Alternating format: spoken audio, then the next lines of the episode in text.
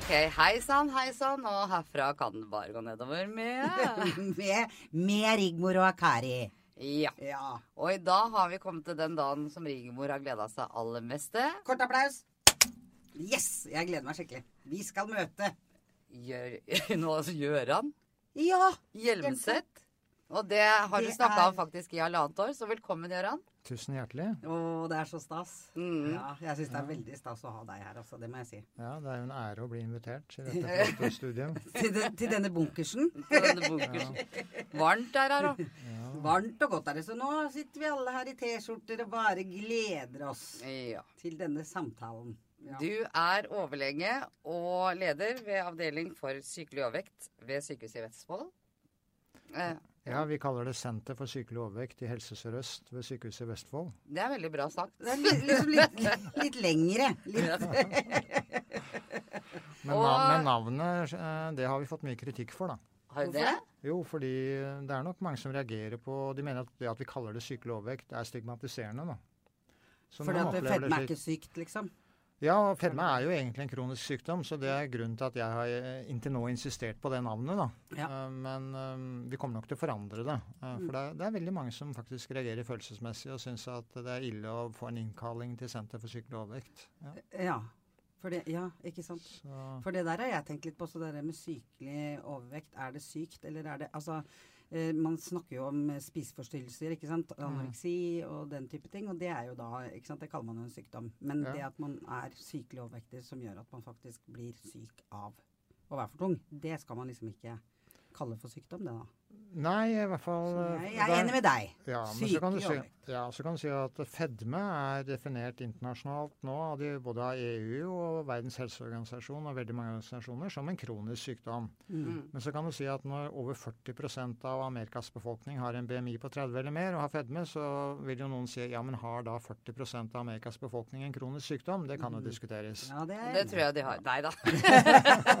Vi tror det. Vi tror, men vi Men skal, å- eh, ja. vi skal innom dette her. Vi skal innom eh, faktisk BMI, og vi skal innom eh, eh, slankeoperasjoner. Og vi skal innom oppfølging eh, før og etter en slankeoperasjon, tenkte vi. Mm. Men aller først så, var, så går vi inn på rett og slett eh, barn. Vi Ja, snakka men litt om også på han. Hvem, Ja, det var du det vi skulle begynne med. Ja, hvem du er du? er jo da, men hva, hva var det som gjorde at du begynte å jobbe med dette med overvekt? Nei, og det, med mat og, og fedme og den slags? ja, det var som ellers for mange i livet en, en tilfeldighet. Mm. Men eh, jeg er i utgangspunktet spesialist i indremedisin og nyresykdommer. Så når jeg var på Rikshospitalet og tok såkalt grenspesialisering, så gjorde jeg en undersøkelse på nyretransplanterte, for jeg oppdaget at de fikk mange av de som ble nyretransplantert, de fikk ikke diabetes etter at de ble transplantert. Altså De hadde ikke type 2-diabetes før de kom, men eh, så når de reiste etter ti uker, så hadde de fått diabetes. Fordi Og det er jo litt trist. Ja, Ja, og det er da, trist. tenkte, da ble jeg litt nysgjerrig, og så så jeg at dette var det forsket veldig lite på. Så da, da etablerte jeg sammen med noen kolleger der inne et eh, forskningsprosjekt hvor vi gjorde såkalt sukkerbelastning på 173 nyretransplanterte i løpet av et års tid. ja. Og så fant vi ut at 20% fikk diabetes. Og årsaken, eh, hovedårsaken er medisinen de får for, å, for at ikke organet skal avstøtes. ja. Så den nyren som blir satt inn i en fremmed kropp, den eh, vil avstøtes hvis ikke man blir behandlet med kortison og andre preparater. Og, kortison, det, det er eh, både gir diabetes eh, og det gir fedme. Ja, men, og det, for det syns jeg er litt interessant. at uh, Vi skal eh, vi skal ikke snakke så lenge om det. Men, men det der med medisiner som faktisk gir fedme og vektøkning Jeg sjøl gikk på noen medisiner i mange mange år og la på meg 30 kg. Og det, det er liksom Men er det noe man kan Hva er det som skjer når man får f.eks. kortisjon? Hva er det som gjør at man legger på seg da? Det som skjer, er at appetitten øker, først og fremst. Så man blir mer sulten, og det tar lengre tid før man blir mett. Mm. Så kortison og også en del medikamenter mot depresjon og andre medisiner de gir økt appetitt. Ja. Og, og det er ikke så mye å gjøre med det annet enn å være klar over det. eh, og prøve å motvirke det ved å spise mat som, som er mer mettende. Da. Mm. Eh, proteinrik mat, eh, fiberrik mat, Mm. grønnsaker, frukt. Og så forsøke å tenke på det. Ja. Eller eh, hvis man kan eh, unngå den type medisiner, hvis man tåler det dårlig. Noen går jo veldig mye opp. Ja. Eh, og kortison er nå én ting, det er det lavest mulig dose. Mens når det gjelder medikamenter mot depresjon, så er det jo noen flere medikamenter å velge mellom nå som Mm. ikke gir så stor vektøkning. Nå. Ikke sant, det er akkurat det. For det Mm. var det jeg opplevde. Mm. Og så og gikk av Det var jo nå når vi drev med Mm. dette prosjektet vårt her. Mm. Så gikk jeg av det samtidig, og det var eh, da, skal jeg love deg det raskt, altså. Det var sikkert hjelp. Ja. Eh, Voff, Mm. sa det plutselig. Ja, etter Og jeg blei litt misunnelig. Mm. det gikk ganske, Ja, ganske mye Og det er jo det som er så rart, for vi tenker ikke kanskje så mye over det når man ser mennesker som har overvekt. Så, så er man ofte ganske fordomsfull i forhold til at liksom, dette her er du bare spist på deg sjøl, og du har altså, At alt skal man kunne ved hjelp av vilje eller ved hjelp av eh, stamina, så skal man klare liksom Og så er det faktisk eh, årsaker noen ganger som ja, som er av medisinsk art. Ja da, og en ting er at det finnes fins den type årsak, men det er jo nok årsak at vi lever i et fedmedisponerende samfunn som koker over av billig og energitett mat. Og eh, i fedmeforskningsmiljøene så er den eh, så oppfatter vi det som en myte at det dreier seg om viljestyrke. Så det er ikke snakk om viljestyrke eh, i det hele tatt. Det er Hør, hør, om folkens. Ja. Mm. det er snakk om eh, personer som er disponert eh, for fedme, og som, som da vanskelig tåler et fedmedisponerende samfunn. Mm. Men hvis man er disponert, mm, ja, ja, disponert for det, sier du. Mhm. Hvordan disponert da? Nei, det er eh, I midten av hjernen sitter det jo et sånt sult- og metthetssenter som påvirkes av signaler. Og, og de signalene kan jo dette senteret være mer eller mindre mottagelig for. Mm. Så hvis du er født med et appetittsenter som da et, eh, veldig fort registrerer om du mangler mat, altså gjør deg sulten, og som ganske seint gjør deg mett, Mm. Eh, da vil jo du spise mer enn en annen som, som har det motsatt. Så, Ja. så, så dette er forskjellige reguleringer, forskjellige termostater man blir født med. da. Ja, og da, det, for det var det vi, jeg lurte på i forhold til barn, da, som, ja. som du skal på en måte lære forskjell mellom rett mat, gal mat. Hva er det som er viktig å, å på en måte lære de, eller gjøre? Nei, Det viktigste tror jeg at det er ikke noe som er rett eller gal mat. Altså Det er ikke noe som er feil. Alt er bra. Det er ikke noe rødt. Det er ikke noe, ikke Ja-mat noe som er Nei, det er ikke noe som heter ja-mat og nei-mat. Men det er liksom forskjellig mengde mat. Ja. Mm. Så mat, eh, det norske sunne kostholdet, det er ikke så komplisert. Det er det man kan kjøpe i butikken og forholde seg til eh, altså det med rikelig med frukt og grønt og grove kornprodukter og, og det som vi vet fra de norske kostrådene. Mm. Og så er det klart at den tilleggsgleden som også barn må få ha av godteri og andre ting, det får man forsøke å begrense mengden av, eh, og kanskje eh, antall dager hvor de eksponeres for det, da. Ja, sånn som jeg- vi voksne òg bør. Ja, ja, absolutt. Det funker best, det å ikke ha noe hjemme. Nei, Ja. Men jeg, ja. deg, Gøran, du har ikke noe sånt noe hjemme, du. Jo, jeg har masse, men jeg tåler det godt. Ja, det er akkurat det. Nei, for jeg har jo en eh, sønn på snart 11 som jeg liksom stadig må si nei til hele tida og begrense, for det er så mye, Mhm, det er så mye fristelser der ute, da. mhm. Og så sier jeg liksom, og ikke veit jeg om det er riktig eller ikke, men eh, ja, visst, den isen, det er en middag. Vi kan ikke spise fem middager om dagen, f.eks., kan jeg si til Mm. han. For det, han vil gjerne ha tre is om dagen. Ja. Helst det. Mer enn noe annet, egentlig, da. Mm. Men det er ikke sunt for kroppen din, sier jeg. Og han er jo mhm. godt i stand uh, i 11-årsalderen eh, Mm. allerede nå. Så det er, det er hvordan lære folk et sunt og godt kropps... eh, eh, Kosthold. kosthold. Kroppshold. Og det må du dere? kanskje begynne med tidlig, for jeg tenker de pasientene du får hos deg Kaller dere det pasienter, forresten? Okay, jeg, jeg, bare, jeg, Ja, ja, ja begynner, begynner ikke litt tidlig? Sånn som med Kari? liksom, Jo, det er det vi lurte på. Begynner- Jo, men det, jo da, det, og det, det er jo forskjellig. Men du kan si at uh, apropos iskrem, da. Mm. Så, så det, det gjelder å vite omtrent hvor mye kalorier det er i forskjellige ting. Og iskrem, f.eks. en sånn kroneis, Mm. Eh, den inneholder jo proteiner og litt fett. Og, og, og er kanskje ikke det verste man kan spise. Det er bare et par hundre kilokalorier. Mm. Det er ikke så veldig mye for en guttunge som kanskje trenger et par tusen om dagen. Oh, ja. Eh, men det fins jo iskremer som er sånne små is... Eh, disse her saftisgreiene, som til og med kan være kalorifrie. Frie, altså null kalorier. Mm. Så man kan liksom tenke ja, hvordan kan han liksom få is uten å si nei til is? Da kan du kjøpe inn noen av de kalorifrie isene, og de kan han spise tre stykker om dagen.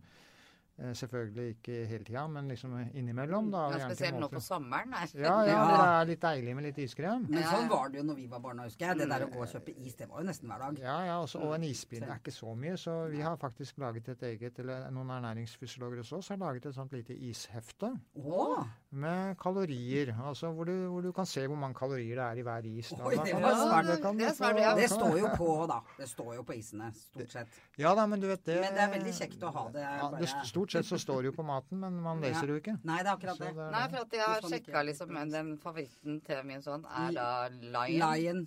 Lionis. Det er liksom 500 Det er ikke sant. kalorier. Den er noe annet. Så du kan ikke ha tre av de om dagen. Det Nei. går jo ikke for noen. Nei, det går ikke. Det Og det må du lære. Du må kanskje lære noen begrensninger da, tidlig Ja, så som sier, ikke tre om dagen, men én i uka. uka kanskje. ja. Ja. Det er litt kjedelig, men Det er litt Eller to Man kan, i uka. man kan jo ta en kroneis da innimellom, for den er jo halvparten. Ja, den er litt mindre. ja. Det er noe med det. Også, Mm. Og sandwich.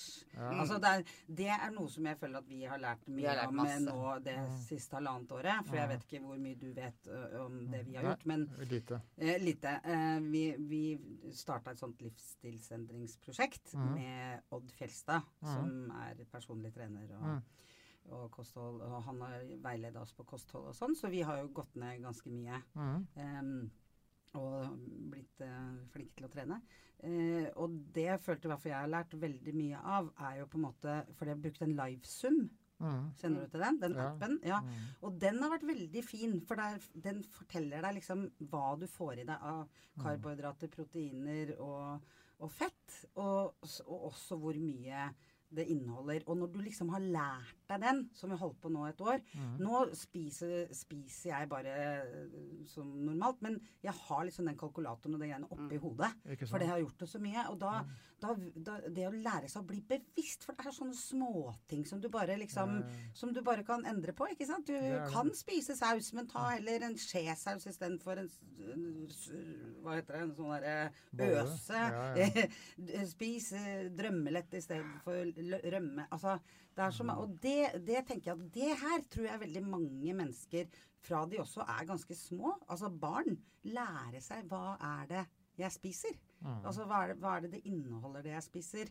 At det kan være litt sånn morsom læring å også lære seg å spise sunt. Kanskje ikke fordi man skal liksom slanke seg eller hva som helst, men at man, at man skal liksom bare bli litt mer bevisst, da. Men det er en liten diskusjon, for at sønnen min er veldig opptatt av vekt allerede nå. Han er 11, og han sier 'Å, jeg vil ikke bli en sånn blubbete ungdom', sier han. Ja.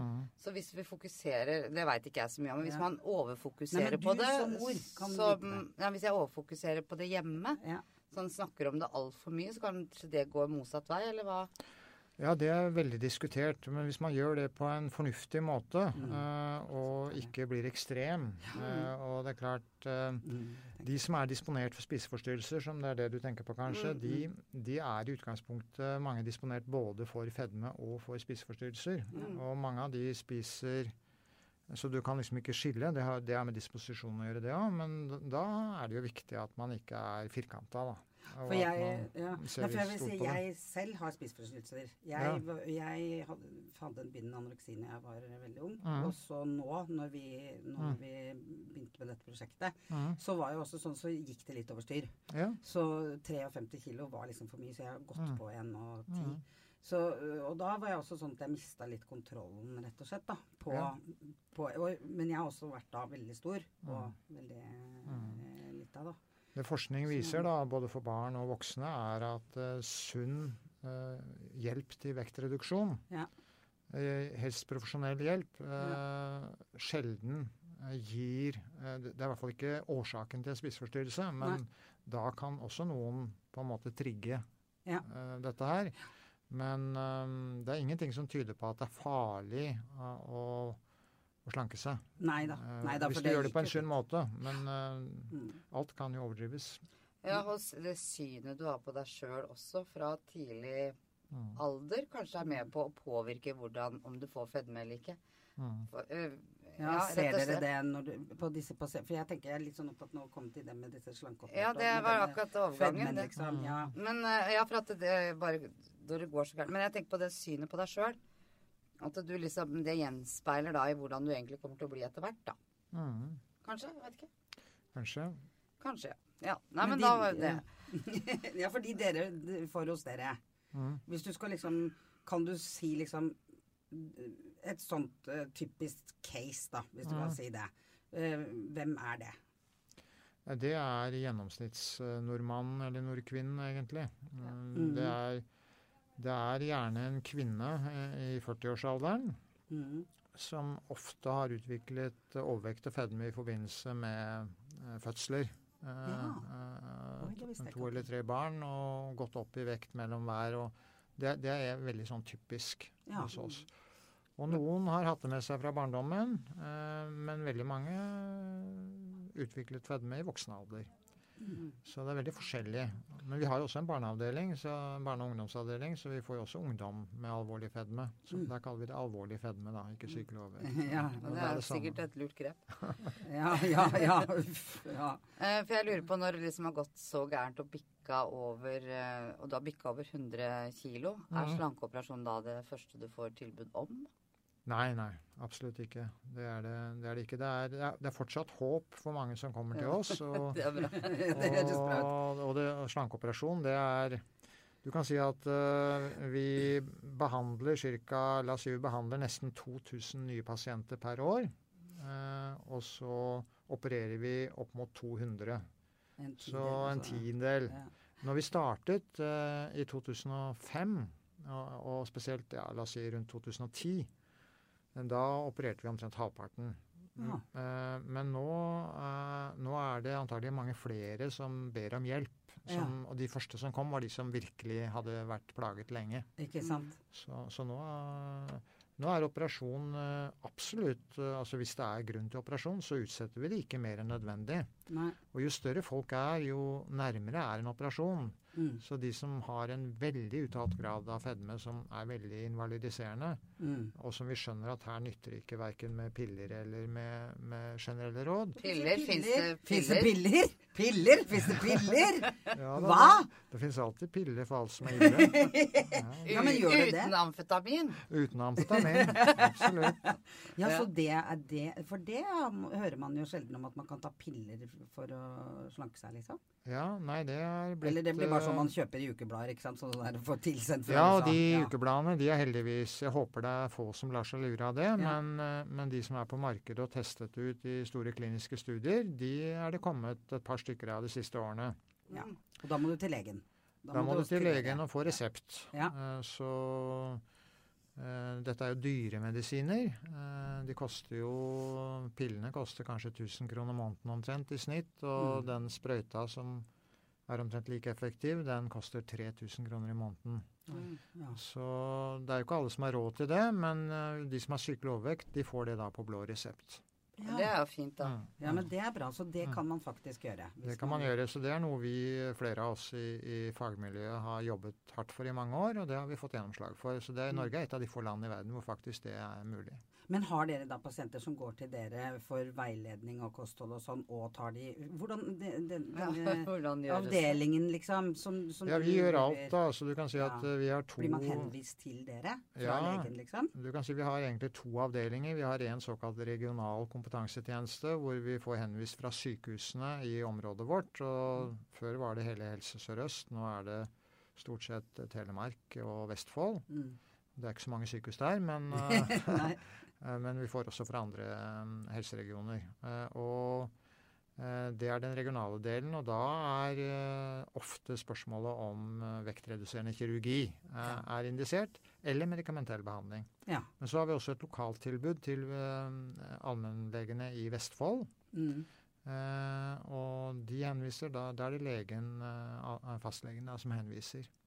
Og da har vi et eh, system hvor man kan få enten individuell behandling for de som ikke liker å være i grupper eller ikke fungerer i grupper. Okay. Eller så har vi en kombinasjon av individuell behandling og gruppebehandling. Ja. Eh, Så det har vi holdt på med i mange år. Så og da er det livsstilsendring og råd om livsstilsendring og forskjellige råd om det. Ja. Eh, Sånn som vi egentlig er. Det er sånn vi har hatt hos Odd, Ja. vil jeg ja, si. ganske vanlig opplegg, men etter internasjonale retningslinjer og etter de, det som vi vet fungerer best. Men de som da ikke dette fungerer på, eh, eller som har prøvd alt annet før, de, der begynner vi med medikamenter. Ja. Og da, men trenger man noen sånn spesiell oppfølging med de medikamentene, eller tar man? Hvor lenge tar man det, og er det i kombinasjon med at man spiser sunnere, eller? Ja, du kan si at de pillene de virker gjennom å dempe appetitten, mm. redusere sult eh, Mm. og øke metthetsfølelsen. Ja, Det betyr at eh, da er det lettere å endre livsstil. Det det. Så hvis du spiser som før eh, og er like inaktiv som før, så hjelper det ingen av, ingenting. Så det er, det er gjennom å hjelpe deg til å spise mindre. Ja. Ja, er det noen bivirkninger med disse Ja, det er masse bivirkninger. Ja. en virkning er alltid en bivirkning, Og gjerne flere. Ja, Ja. for da syns jeg dette hørtes kjempespennende ut. Ja, nei, det er masse bivirkninger, men de fleste eh, avtar over tid. Så de, det er verst i begynnelsen. Så hvis man liksom kommer seg gjennom de første og, og tenker at eh, eh, det skal bli bedre, så går det bra for de aller fleste. Og det er ikke alle som får bivirkninger, men bivirkningene går jo på egentlig det samme som er virkningsprofilen, nemlig at det kan gi litt eh, det kan gi kvalme, sant, oppkast, diaré, forstoppelse. Ja. En del som har med mage-tarmsystemet å gjøre. Ja. Eh, mens tablettene kan også ha noen andre bivirkninger, men det må legen følge opp. Så. Mm. ja. Eh, men eh, hvor lenge du skal ta de? Ja, de virker så langt, så virker de bare når du tar dem. Akkurat som andre tabletter. Hvis du tar tabletter mot høyt blodtrykk, så virker de bare når du tar dem. Hvis du tar tabletter for å dempe appetitten, så virker de bare når du tar dem. Men kan det være sånn at den, hvis man har ta, stått på dem lenge For man vet jo også at magesekken krymper gjerne man blir mindre, og at man blir mindre sulten. Men det, det har ikke noe å si. Nei. For dette har noe med lystsenteret i Magesekken i, krymper ikke noe særlig. Å nei, det Den er gjør ikke det. noe- Så det er bare tull, det man sier at liksom at man kan no, For det merker man jo sjøl. Hvis ja. du spiser mindre, ja. så blir du fortere mett etter hvert når du har vent deg til å spise mindre. I hvert fall så har jeg det sånn at da, da, da trenger jeg ikke så mye mat heller. Fordi jeg, jeg, kroppen har vent seg til å ikke spise så mye mat. Ja, da er du heldig. Er jeg det? Ja. Mm. Fordi oh, ja. veldig mange opplever det tvert imot at uh, når de går ned i vekt, så blir de mer og mer sultne og mindre og mindre mette. Og det blir, oh, ja. Noen kaller det et uh, sulthelvete oh, ja. etterpå. Så her er det veldig forskjellig. Nei, jeg har vært heldig, altså. Ja, så der, der har du vært litt heldig. Ja, faktisk. Ja. Ja, for det betyr da at disse pillene må man gå på resten av livet, da? Eh, ja, antagelig. Eh, men det er jo litt avhengig av selvfølgelig hvis du bruker medisinene for å la, lære deg en ny livsstil. Ja, det er det jeg mener. Eh, ja. så kan du si at livsstilen har du lært, men hvis du når du legger bort pillene, så blir mye mer sulten, Ja. så er det ikke, da, da har du ikke den hjelpen da, Nei, ikke sant. til å Nei, ja, men hjelpen er jo også litt mat, merka jeg når jeg begynte. At eh, hvis, Ja. jeg spiste prote eller hvis vi spiste proteinrik mat, så Mm. holdt jeg metthetsfølelsen Lenger, over lengre tid. Det er riktig. Og hvis jeg hadde to proteinrike måltider, nesten Mm. to middager på no varm lunsj, varm eh, middag, var det mye lettere å ikke gå på den. Er fyse-helsika på kvelden. Ja, det er sant. Og speltbrød og sånt noe som du spiser Ja. nå istedenfor det andre brødet, det, det gjør jo at for hvete f.eks. er liksom kutta ut av kosten. Så Ja. vanlig Mm. Så du må endre Du må ta noe bort, kanskje? Ja, du må endre på noe i hvert fall. Og Mm. det dere har gjort øh, med å bruke Lifesum og, og lignende, det er jo til veldig god hjelp. Og. Odd, da, selvfølgelig. For han kan jo også veldig mye om Ja. hva Fordi Mm. vi trente også, ikke sant. Og så, er det jo sånn at eh, kaloriene du putter inn, det må være mindre enn det du forbruker for at du skal gå ned i vekt. Så enkelt er det jo på en måte. Det er jo lett matte. det. Ja. På mange måter òg, da. Så er Men hva, for å holde vekta, hva er normal kaloriinntak da i løpet av en dag? Jeg bare lurer, jeg nå. Jo, du kan si at uh, det er litt forskjellig, da. Så for en som ikke har gått ned i vekt, Mm. uh, så er det ca. 30 kilokalorier per kilo kroppsvekt per dag. Så hvis du veier 100 kilo og ikke har gått ned i vekt noen gang, så Mm. vil du gjennomsnittlig være vektstabil på 3000 kilokalorier om dagen. Ok. Mm. Og hvis du veier f.eks. 74 Ja, da blir det tre fjerdedeler av det. Ja. Er det? Ja, da, må, da må du dele på to, og det er 1500, og så legge til 750. 2250, da. ja. Men det er ikke så verst. Men det er hvis du ikke har gått ned i vekt. Oh, ja, hvis jeg har gått ned i vekt, da. Hvis du har gått ned i vekt, så må du spise enda mindre. Ja, så du må alltid spise mindre når du har gått ned litt i vekt. Eh, Ja, for da vil kroppen uh, ha Den vil gjerne tilbake, den derre mekanismen i toppen vil gjerne ha deg til opp igjen. Ja, Eh, hvorfor det egentlig? For det har du snakket om. Det, den jeg er har jo lest det, Ja. sammen, at du har snakket om det. At den vil tilbake til sin opprinnelige vekt, og gjerne så, så Nei, det vet vi ikke hvorfor. Det aner ikke. Men eh, veldig mange har det sånn i hvert fall. Og Mm. da, da er en av mekanismene, som nok er litt overvurdert, og som ikke er så ille som jeg trodde før, men det er det vi kaller spareblusseffekten, f.eks. Mm. Mm.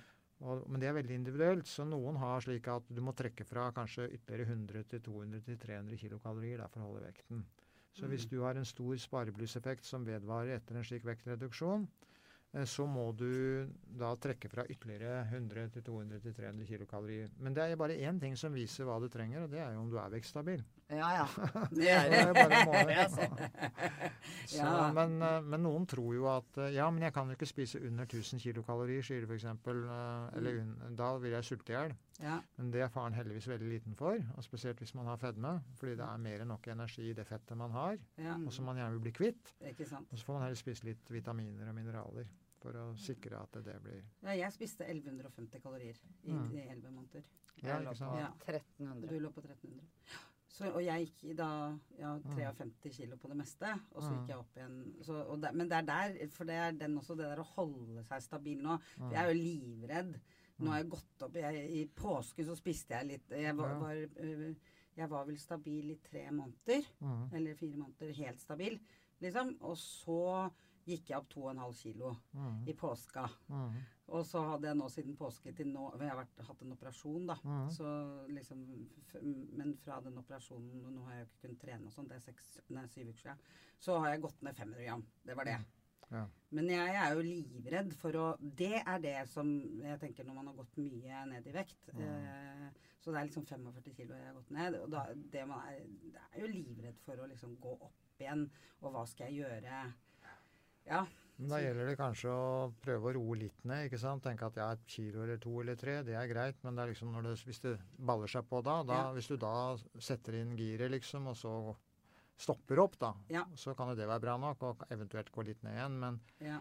det er jo noen som har liksom sånn svart-hvitt-tenkning, og ja. som eh, Ja, noen hva de kaller det, what the hell-effekt, eller noe sånt, hvor det liksom Hvis du først sprekker, så er det liksom da er det bare å kjøre på. Kjøre på, men dere er jo langt unna det. jeg skjønner, så. Jeg, Jeg hadde en liten sånn sprekk her. Nei, Jeg tør ikke å si hva det var, men jeg regna ut Jeg kjøpte sånn der smågodt. Ja. Skulle egentlig kjøpe til sønnen min til, på lørdag, og så spiste jeg opp nesten alt. Ikke nesten at du spiste opp alt, for du var på telefonen med meg. Så du sa det. Når jeg spiste opp, da tok jeg siste godteri. Ja, ja. ja hvor par- hvor mange kilokalorier var det? Nei, det tok jeg på lausum. Ja, Det var ganske ille. ja mye var det? Eh, 2200 eller noe sånt. Ja, Men det er jo ingenting. Nei, det er ikke så farlig. Nei, det er jo ingenting. Men hvor mye er det man legger på Altså, altså For det, det, det er også det at noen legger så fort på seg, mens andre ikke gjør Du det. legger, du legger ikke på deg mer enn det du spiser. Altså Det er Nei. maksimum. Så du kan si at én kilo kroppsvekt, da, Mm. eh, det er røftlig 7000 kilokalorier.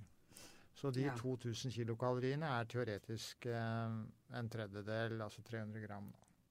Ja. Ja. Så det er jo ingenting. Altså én sånn dag, det er jo ingenting. Det er. Men det er klart, hvis du hadde gjort det en hel uke, Da, da, da går det på. da begynner det å legge seg. Da begynner det å gå. Og det var det de gjorde for meg i påska. Det var jo disse påskeeggene som bare forsvant Ja, og inn. de, og de er jo kjempegode. Å, er Og så så så små de er. Ja, å, de er så Men er det sånn da at hvis du tar et påskeegg, så kan du jogge en kilometer, så kan du ta et nytt påskeegg, kan du jogge Nei. Ja, nei, jeg pleier å si at uh, tren deg slank, det er en myte. Ja. Uh, men, uh, men det er klart Ja, for den jeg, det vil jeg gjerne vite. ja. Tren deg slank. Hvorfor er det en myte? Jo, fordi det er, rikt, det er riktig på én måte, men det krever igjen Det er akkurat som pillen. ikke sant? Pillen virker bare når du tar den. Mhm. Så hvis du skal trene deg slank, så må du trene hele tida. Ja. Og, og når jeg sier hele tida, så mener jeg f.eks. Uh, hvis du skal trene bort 500 kilokalorier, da, eh, Mm. eh, dag, eh, redusere, eller øke forbruket med 500 kilokalorier på en dag, ja. så er jo det for de fleste av oss minst én times rask gange. Mm. Og da må du gjøre det hver dag. Mm. Og da er, sånn som, da, da er det ikke nok å kjøre opp til treningssenteret to dager i uka og så sette seg bak en eller annen romaskin, eller noe sånt, som Nei. folk tror det er. Altså, folk tror at de trener. Ja. Og så gjør de det ikke. Og sånn er det også med trenings... eh, når man eh, får sånne treningsprogrammer for å gå ned i vekt, så, sier ja, men nå har jeg liksom ha, og har coach og alt mulig, jeg, øh, men går ikke ned mer enn en kilo eller to. Så poenget er at man, man gjør ikke, man er ikke laget for så mye De fleste er ikke laget for så mye fysisk aktivitet. Nei. Og derfor så blir det ikke noe av det. Så hadde du gjort det, så, så hadde det vært riktig. Men uh, all, all forskning viser at uh, sånne treningsprogrammer de gir kun moderat vektreduksjon. Men for eksempel folk som har kroppsarbeid, da. Unnskyld, folk Ja. med kroppsarbeid, de har jo god sjanse til å holde seg Ja, men, har, slanke og men har du sett matpakka? Ja. Ja, så Da er det ikke to skiver, ikke sant? Da er det ti skiver. ja, det er ti skiver. og, det, og det trenger de. Ja, absolutt. Men det, det, ja. kanskje det er to eller én for mye ikke sant, hver dag, Ja. og da er det nok. Men jeg greip litt fatt. Du sa én times gange om dagen. Ja, Så hvis du får til en times gange om dagen Rask gange. Rask gang- rask gange, ja. ja da er det veldig bra. Da er det veldig bra. Og så Ja. kan du ta strykketrening to dager i uka, så er du innafor. Ja, og da kan du si at uh, den effekten du får av de 500 kilokaloriene, da, Mm. Mm. eh, det er eh, Hvis du hadde klart det, og ikke spist noe mer, da, for det er det som er problemet. De Å ja, du, spiser jo du kan ikke spise heller, nei. Nei, Det er som du, du sier at spise Hvis du skal spise påskeegget etterpå, så er det liksom vinninga gått opp i Nei, men da men holder da du holder du deg stabil. Du holder deg stabil. Ja. Ja. Nei, så 500 kilokalorier pluss minus, det, det gir eh, ca. 10 kilo vektendring på et år. Så For jeg har gått ned ganske sakte det på et ja, år. ja. Men de enkleste å gi råd om vektreduksjon, det er de som f.eks. menn, men også noen kvinner, som drikker f.eks. en liter juice om dagen. Fordi jeg har hørt at det er så sunt. Ja, det er jo bare Det, det har jeg slutta med. Og det er 500-600 kilokalorier. Ja. Mm. Så du kan si istedenfor å gå en lang tur hver dag, så kan du slutte å drikke den literen med juice. Så raser du ned vekt. Men du, Jo, men det er sånne ting som er Som jeg Ja. tenker at vi, vi ikke tenker over Mm. eh, før man begynner å sette seg litt inn i det. Mm. Og det er jo det vi har måttet gjøre. Og, og, og jeg tenker at hvis folk hadde visst liksom en del av de tingene her, så hadde det kanskje vært litt enklere å på en måte å være litt fornøyd med med faktisk det man gjør, og så bare kutte ut sånne småting. For du har også sagt at eh, hvis du er fem-seks kilo for mye, så ikke slank deg. Ja, eh, det er hvis du har overvekt og ellers er frisk. Ja. Altså overvekt det er en BMI mellom 25 og 29,9. Ja, og den skal vi komme til, BMI. Ja, Mm. Da har jeg sagt at eh, vi eh, som driver med fedme rundt omkring i verden, vi er enige om at da vil vi ikke råde folk til å slanke seg. For da er vi redd for at man kan slanke seg til fedme.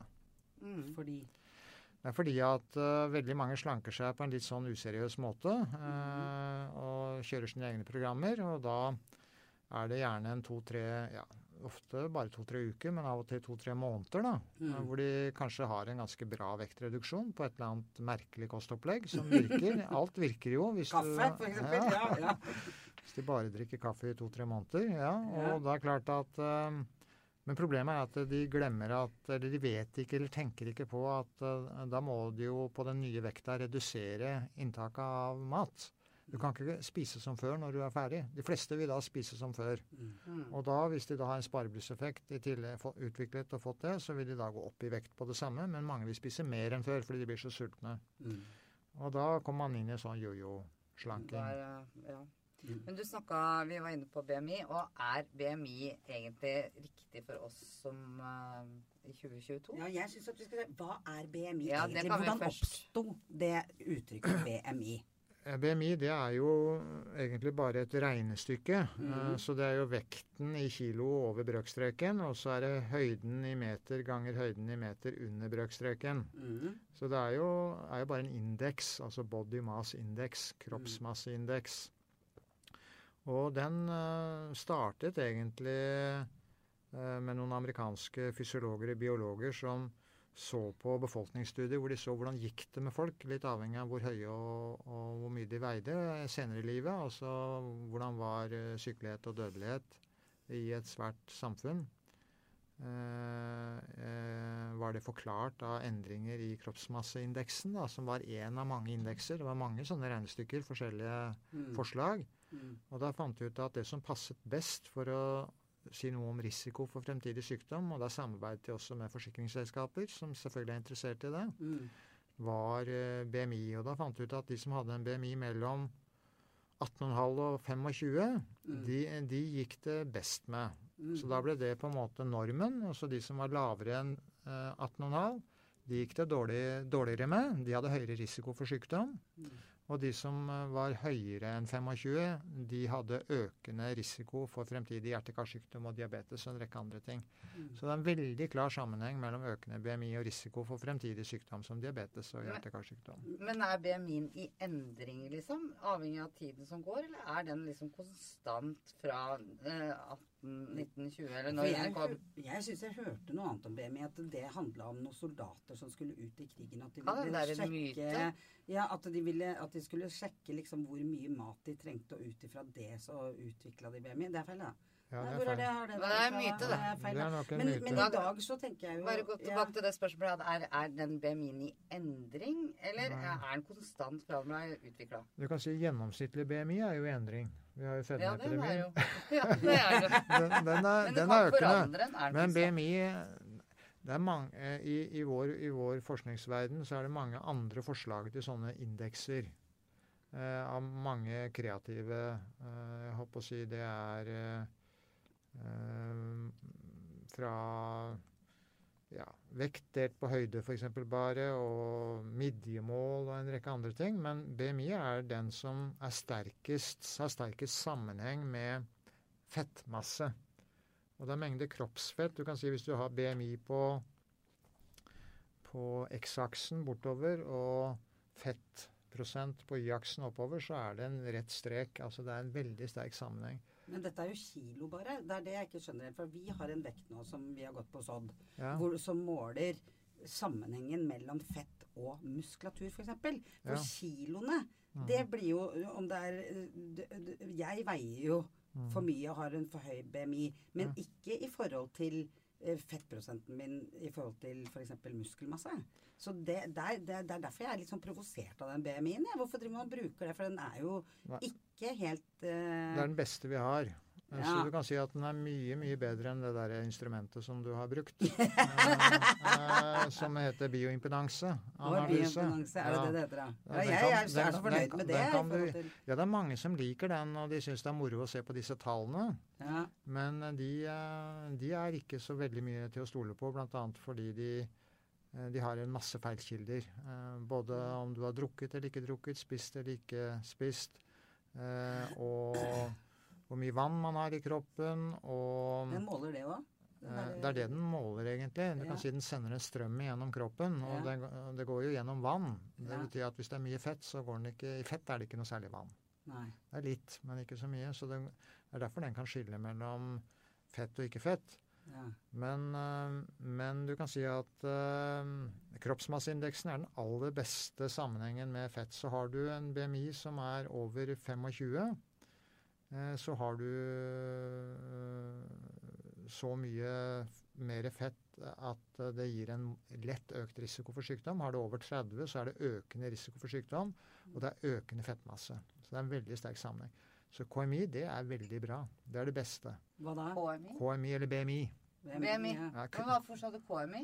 Kroppsmasseindeks. Det er på Men norsk. det- For det, Ah. det jeg tenker på da, var at når jeg, når jeg var eh, sånn her i vinter, Mm. hvor det var 53 kilo hadde gått ned da, Mm. da var jeg altså så skrapa. Det var ikke noe pent, Kari. Det er du enig i? At jeg Mm. faktisk måtte Jeg hadde ikke pupper, jeg hadde ingenting. Jeg så ikke ut. Men da hadde jeg en BMI som sikkert var eh, normal, da. Mm. Mm. Da var jeg helt sånn som jeg skulle være. Og så nå når jeg egentlig tenker at når jeg var noen Mm. kilo tyngre, Mm. så, så er jo på en måte Mm. Ja, for det var jo rett og slett ikke helt eh, bra, da.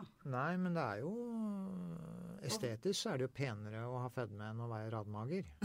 Det, det, vil jo, det vil jo de fleste si. Altså, Unge mennesker med fedme er jo mye penere enn eh, unge mennesker som er eh, nærmest som ser ut som de har vært straffanger eller Anorektikere. anorektikere. Ja. Så det er jo klart det. Men BMI som sunnhetsmarkør, den eh, er det ingenting som har slått til nå. Okay. ok. Og disse, bio, disse, disse bioimpedansemålene, da, for å si det slik Ja. um, Jeg kan si at noen har stor, uh, stor muskelmasse og Mm. derfor høyere BMI, sånn Ja, som han det- eh, roeren. Ja. Uh, hva han heter for noe igjen? Han, Eh, Tufte? Tufte, ja. Ja. Han har sikkert BMI over 30, og der er det ikke mye fett. Nei. Men de aller fleste som har BMI over 30, har mer fett enn det de burde ha. Og, og da vil, eh, når kroppsvekten da synker, så er det 80-90% fett som går ned. Så eh, Mm. vekta er stort sett fett. Muskelmassen den er veldig liten. Og disse Mm. bioimpedansemålerne de er til dels helt ukritiske, fordi de kan gi en fettmasse som er ganske riktig, relativt riktig. Og så får de folk til å tro at resten er muskelmasse. Mm. Men resten er ikke muskelmasse. Resten er jo lunge, hjerte, nyrer, lever, tarm, hjerne. Ja. Så jeg har mye eh, lettere indre organer enn Rigmor, egentlig. For hun har alltid vært sterkere enn meg på den der måleren. Nei, de indre organene de er, eh, veier mye mindre når man snakker seg. De går ned. Gjør de det, de òg? Ja, ja. Det er derfor Vibeke måtte gå så mye ned i vekt, referert til henne. For hun Ja. måtte gå ned på fett, fettet rundt Ja, eh, rundt, ja, det skjønner jeg, men, men ikke i organene i seg selv. Organene i seg selv blir mye mindre. De blir mindre, de også? Ja, De trenger ikke å være så store når det er mindre kropp, vet du. Nei, så, da, så liksom hjertet blir mindre, Ja, ja, alt leveren blir mindre. Alt sammen. Da tåler den noe mindre òg, da, den der leveren. Nei, det er. Nei, tvert imot. Den tåler mer, for da blir den jo tømt for fett. Så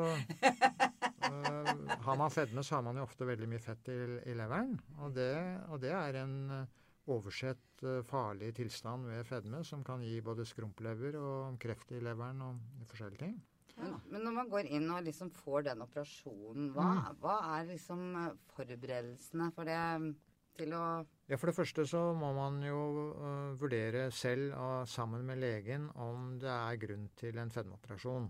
Mm. Og da, uh, Det kaller vi for samvalg. Ja. Så da snakker pasienten og legen og sykepleierne og ernæringsfysiologen sammen. Mm. Og så finner de ut er en fedmeoperasjon det beste for deg nå. Du har prøvd alt mulig annet. Eller er pille? Eller er Eller pille. Men nå har vi, så kan du si at OK, så blir man enige om jo, fedmeoperasjon er noe for deg. Mm. Da må du forberede deg på den fedmeoperasjonen, og du må i hvert fall uh, i, uh, være vektstabil i perioden frem til like før. For hvis du går opp i vekt før en fedmeoperasjon, så kan det øke risikoen for komplikasjoner. Spesielt pga. det fettet i leveren. Ja, for jeg har sett på Dr. No nemlig på mm. Discovery, og han, har, han sender jo folk Men det er jo, da er det jo 300 kilos Ja, det er mye større enn de fleste. Ja, de er veldig store. Eh, men da sier han no, no. Nå, no, sier han Dr. No, ja. Dr. No, bare Dr. se. No. Han sier no, no, no, no, no. Men det, for at de er jo ganske avhengige av mat, de som kommer dit. Og de Ja. ljuger jo for han, og de prøver å liksom lure han, og han sier no, no, no, no. no. Nei, av og til sier eh, våre kirurger noe òg, men det, det er nok eh, på andre, av andre grunner. Du kan si at uh, alle som skal opereres, uh, de, de må ha en uh, De må spise De må gjennomgå en såkalt lavkaloridiett tre uker før operasjon. Ja. Og grunnen til det er ikke for å vise at de kan slanke seg, for det vet vi at de kan. Ja. Eh, Men det er for å tømme leveren for fett og sukker. Ja. Så når leveren Og hvorfor skal den tømmes? Jo, for når leveren er full av fett og sukker, så er den ganske stor. Og da blir det litt mer komplisert for kirurgene. De går jo inn med sånne kikkehullsgreier og instrumenter. Mm. Så det, det øker risikoen for komplikasjoner. ja. Så det er for pasientens skyld og for å redusere risikoen for komplikasjoner, så må leveren nettopp være minst mulig. Mm. Og du kan skrumpe leveren ganske mye ved å tømme den for fett. ja. Skrumplever. Ja, da, det, hadde jeg ikke tenkt å si for jeg tenkte at den er dårlig, tenkte jeg. Det skal vi ikke gjøre opp. Ja, fortsett. Skrumplever. Ja. Ikke så skrumpa, nei. Ikke så skrumpa. nei. Nei, så det er liksom Det er derfor de skal ja. gå på det. For det er mange som tror det at liksom Å nei, nå må jeg vise at jeg kan slanke meg så og så mye. Ja, det trodde man jo før. jeg trodde også faktisk. dette. Nei, det er det absolutt ikke. For at uh, de aller, aller fleste, jeg vil si over ja, da, 99% av de som kommer til oss, de har vært superslankere. Mm. De har slanka seg både 50 og 100 kilo til sammen i livet sitt. Mm. Mm, Men problemet har vært å holde vekta Ikke etterpå. sant. mm. Det er akkurat det. Men når, de- og så blir de da operert. Mm. Og da, er det, da kan du velge forskjellige metoder Ja. for hva, hva slags type operasjon. Nei, det er tre nå, for Vibeke har fått den aller nyeste. Ja, Ja. det stemmer. Det er tre. Ja. Det er hovedsakelig to Ja. typer operasjoner. Mm. Og så er det én som man har begynt å forske litt på nå, som, Mhm. Som vi vet mindre om, da. Men Ja. de to vanligste typene, som kanskje er lurest å snakke om her, Ja. Mm. for å gjøre det litt enkelt, det, Ja, det er er, Det enkle er ofte det, det beste. er, det er den som heter gastrisk bypass, som er velkjent. Som går ut på at eh, kirurgen syr igjen magesekken, rett og slett. Så det blir en sånn liten lomme. Ja. Bitte liten magesekk. Mm. Eh, og så skjærer han eller hun over eh, tarmen litt lenger ned. mm. nedenfor tolvfingertarmen. Og så drar de den tarmen opp og syr den inntil den lille magesekken. Så de syr tarmen inn på den lille magesekken. Går kortere vei, da også? da er det kortere, kortere vei og raskere vei, så ja. maten kommer mye raskere ned i tarmen. Ja, det jeg tenker også. Og når maten da kommer raskere ned i tarmen, så skilles da dette metthetshormonet ut, som gjør at du blir fortere mett og mindre sulten. Som heter glukagonlignende peptid. Som f.eks. er i en av de slankemedisinene vi snakket om. Ja. Så det er gastrisk bypass, og det gir en gjennomsnittlig vektreduksjon på 30 mm. Eh, i løpet av ett til to år. 30 ja. er gjennomsnittlig vektreduksjon etter gastrisk bypass. Noen går mer ned, og noen mindre. Men hvordan er det for de når de skal spise? da? Er det, du blir, eh, hvis du har en veldig liten magesekk, så er det kanskje ikke, du klarer kanskje ikke å spise så mye? Eh, ja, noen tror det er pga. at magesekken er så liten, men det er, ikke, det er, ikke, så mye det. Det er litt det. For det blir jo litt strekk på den, men det er et ganske stort hull i den magesekken, så maten går rett ned i tarmen. Ja. Hvis du tygger maten godt, så går det rett ned i tarmen. ja, okay. Og når da det går rett ned i tarmen, så, så får du den metthetsfølelsen veldig raskt. Ja, akkurat. Så det er derfor du liksom spiser mindre. Ja. ja. Og da, da, blir det til at man um, spiser litt oftere og, og litt mindre. Mm. Ja, Mye mindre. Den, den andre, da? Altså den andre metoden? Den andre metoden heter slivgastrektomi, eller sliv som noen kaller den bare. Mm. Da uh, fjerner kirurgen 80% av magesekken. Skjærer magesekken på langs, så det blir på en måte et langt uh, forlengelse av spiserøret. Ja. Mm. Så det ser ut som et sånt ekstra spiserør etterpå. Mm. Eh, så da er det bare 20, Og da fjerner, fjernes 80 av magesekken. Og mekanismen er egentlig ganske lik, men her blir det jo litt mindre magesekk, da. La oss si magesekken da har et volum på 100-200 milliliter eller noe sånt nå. Eh, så det er jo halvparten av den koppen. Eh, så den vil du kjenne at du blir fortere mett av, men samtidig vil også den maten tømmes raskere ned i tarmen, slik at man blir fortere mett. Ja. Så det er litt av det, Og der er gjennomsnittlig vektreduksjon 25% Men uh, forutsigbarheten er dårligere på slivgastrektomi. Det er mer variasjon etterpå, så det er flere som går opp i vekt igjen etterpå. Ja. Uh, etter sliv. Men noen mener at er, den gir jo litt færre komplikasjoner, da. Mm. Ja, fordi du ikke må ta et uh, ja, du slipper kutte i tarmen. Å kutte i sånn. tarmen ja. Akkurat. det høres jo litt sånn Ja, men, ja. ja men det er altså, veldig greit å slippe. Mm. Ja, ja. Og da slipper du den spareblusseffekten, da? Med Nei, det gjør du ikke. Da har du tatt bort den spareblussen. Spareblussen er borte. Nei, det var helt Men du kan jo si at i forhold til, til, det dere nevnte om hvor mye mindre dere har spist for å gå ned i vekt, da, mm. så spiser jo de mye enda mindre. Du sa at det var under 1200, 1200 kilokalorier. Ja, 1150 eller 1200. Ja, En som er operert, vil jo da de første ukene være ned på 600 kilokalorier. Cirka. Ja. Mm. Vi hadde besøk av Vibeke, Vibeke mm. som har vært her hos oss. Og mm. da hadde jeg laget en smoothie til henne. Mm. Og, det, og, da jeg heller oppi hele koppen og bare Nei, nei, nei, det blir altfor mye! Ja, det, det, var sånn, det, var bare en kopp, liksom. Med, ja. Ja. Og den satt da og skvølpa i seg i løpet av tre timer. Så, så jeg skjønte jo liksom, jeg, Det er nesten så du ikke tror det. At du kan spise så lite, og så og så ikke, ja, også være mett, eller at du får ikke i deg noe mer. Det er uh, veldig uh, Og jeg vet også at Vibeke sånn i forkant har vært i grupper, og det har vært en del samtaler. Mm. Ja, ja, for det er en sånn psykologisk aspekt ved dette også, mm. er det ikke det? Ja, det er det, er det jo alltid. Mm. Har det, gir det noe oppfølging og noe sånn i forkant og etterkant der? Nei, altså Selv om vi oppfatter fedme som en kronisk sykdom, så oppfatter vi det ikke som en psykiatrisk sykdom. Nei. Uh, så det er jo ikke noe behov uh, for psykolog uh, i utgangspunktet, men det er jo atferdsendringen, altså folk som er gode på atferdsendring. Ja, ikke sant. Og, og, det har vi jo, men det er jo noen som har en kombinasjon av fedme og spiseforstyrrelse f.eks., ja. som kan trenge psykologhjelp. men det er en annen bit av behandlingen. Ja. Vi kan ikke gjøre begge deler samtidig. Nei, ikke samtidig, selvfølgelig. Men, eh, men, det sitter jo mye i hodet, det vet jo dere også. Men eh, det krever ikke psykologbehandling. Nei. Eh, Nei, det eneste jeg tenker, er jo bare at, mm. at man ofte får jo et uh, nytt selvbilde. Eller at mm. man Fordi den endringen, den ytre endringen, det mm. merket i hvert fall jeg veldig på meg sjøl. At det, det, det, det, skal du, Det er omstilling. Er fordi at du vil bli møtt på en annen måte. Mm. Du opplever verden litt annerledes enn du har gjort mm. på lenge. Så sånn sett så Bare som et lite tips, kanskje vi skal ha noen psykologer inn her. ja. Nei, men bare for å snakke om det, for det skjer det, mm. det, er, og det, det liksom påvirker deg jo. Mm. At du på en måte plutselig har et annet utseende. At du Det gir deg litt av lykkepille òg, det, da. Ja, men det gjør det. Men samtidig så er det også Jeg løper jo forresten med liksom når jeg var, Så løper jeg f.eks. rett inn i tjukkasavdelingen på Lindex liksom, for å lete etter klær. Og da kommer det en dame og sier du, unnskyld meg, men du skal ikke være her, du skal ut der. Så jeg hadde på en måte ikke endra det bildet av, hvem, av hvordan jeg ser ut. Uh, så det gikk veldig fort, da.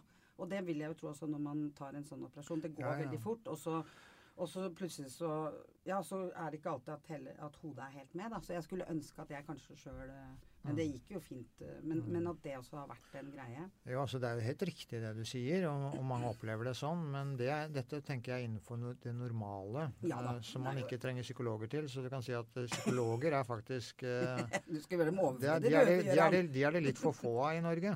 Uh, sånn at de må drive med sjuke folk som Ja. har virkelig Det er men, sant. men det er viktig det du sier. Ja, jeg og- tenker også å snakke absolutt. om de tingene med andre, men det er kanskje Ja. det de gjør i grupper. Og det sånn gjør også. de både i grupper og sammen. Og, og, våre, og våre folk, som jo kan dette her, er de det Men vi har, vi har våre coacher i vårt system. Vi har Mm. flinke folk, og vi samarbeider med psykiatrien. Så vi lærer jo av de hele tiden. Så vi, ser, vi, det vi later ikke som om det ikke er noe psykologi i det. Men det er ikke det som er hovedpoenget. Er det virkelig alvorlige psykiatriske problemer, da henviser vi til psykiatrien. Ja, ja. Det jeg. Og Vibeke fortalte meg at hvis hun oppnådde et BMI-krav, mm. så fikk hun da eh, sånn hudreduksjon Ja, etterpå. Hvis Dessverre. Dessverre. Det- ja, det er egentlig Ja, det er egentlig litt dumt. Fordi Å. eh, det er noen kriterier som, eh, som vi har diskutert i mange år, hvor som er for strenge etter vår oppfatning. Ja, det, ja, det er jeg enig i. Han er på Ja. lag med oss nå. Ja, Ja, altså, ja, for da har jeg liksom et annet eh, For oppfølginga til Rigmor, da, som har egentlig gått ned fra å, Ja. godt over 100 hun også. Ja. Hun også hadde hatt behov Eller kanskje ikke hatt behov. Nå har jeg jo trent veldig mye, men jeg har jo fremdeles liksom Ja, altså, ja, ja. hvorfor eh, for, er det et behov for de som eh, går ned på piller og ikke har slankeoperasjon? Ja, det, det, er helt, det er ikke avhengig av operasjoner like, men hvor mye du har gått ned i vekt. Så Det er avhengig av det. Jo mer du går ned i vekt, jo mer løs og overhengende hud blir det jo. Så Rigmor kan gå til doktoren og si at hun ønsker Ja, ja. Absolutt. Kan jeg det? Ja, Til ja. legen min og si at vet du hva, jeg har lyst til å få Ja, stramma ja. opp litt. eh, på Absolutt. både- Og det, i Telemark har vi jo mange flinke folk. Notodden. Vi har jo veldig mange flinke plastiske kirurger. Skal jeg Så- fortelle en litt morsom historie? Mm. Kan jeg få lov til det? For jeg, jeg, når jeg var ung, skjønner du, så fikk jeg puppeoperasjon. Mhm. Reduksjon. For jeg hadde så innmari svære mm. pupper. da. Det var jo en halv kilo mm. på hver.